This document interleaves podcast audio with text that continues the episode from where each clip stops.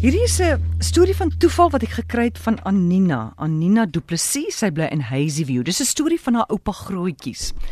Sy sê nou gedurende die Anglo-Boereoorlog is verskeie mans as krygsgevangenes weggevoer na onder andere Ceylon wat ons vandag ken as Sri Lanka en Indië.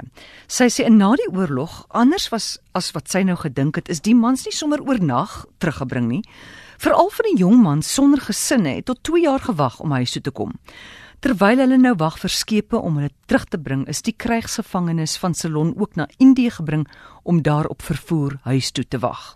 Nou sodra daar nou 'n skip aankom wat van hulle kon terugbring, is daar nou 'n lys daar in Indië of Ceylon opgesit met die name op 'n kennisgewingbord. Almal kan jy nou dink is so opgewonde oor hierdie lys want jou naam gaan dalk nou opwees en as jy volgende op die skip.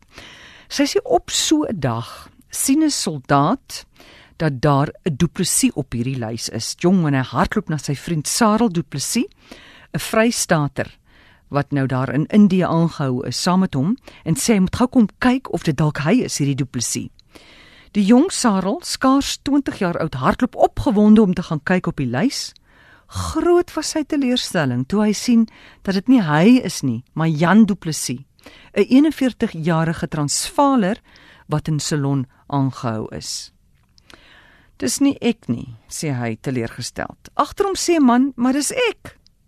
Vir albei was dit 'n emosionele belaaide oomblik wat nie een van hulle ooit sou vergeet nie. Vir die een die groot teleurstelling dat hy nou nog langer moet wag en die ander die blydskap en opwinding dat hy uiteindelik huis toe gaan.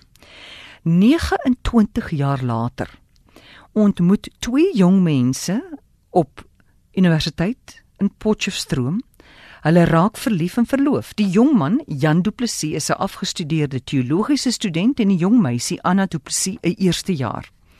Jan, nou 'n proponent, word na 'n gemeente beroep en hy en Anna besluit om dadelik te trou. Kyk, hulle kan nou nie kanse vat nie. Hulle moet nou trou gou-gou. Asof nie eers tyd vir ouers ontmoet voor die tyd nie. Tydens die troue op 1 Desember 1931 in Filippolis word die paas van die bruid en die bruidegom aan mekaar voorgestel en dit vat nie lank nie voor hulle besef dat dit nie hulle eerste ontmoeting is nie.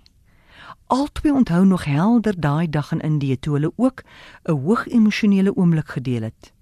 In teenstelling met die dag in Indië was hierdie dag in Filippolis vir albei 'n jeuglike dag om mekaar na soveel jare weer te kon raakloop en hulle kinders so gelukkig te kon sien.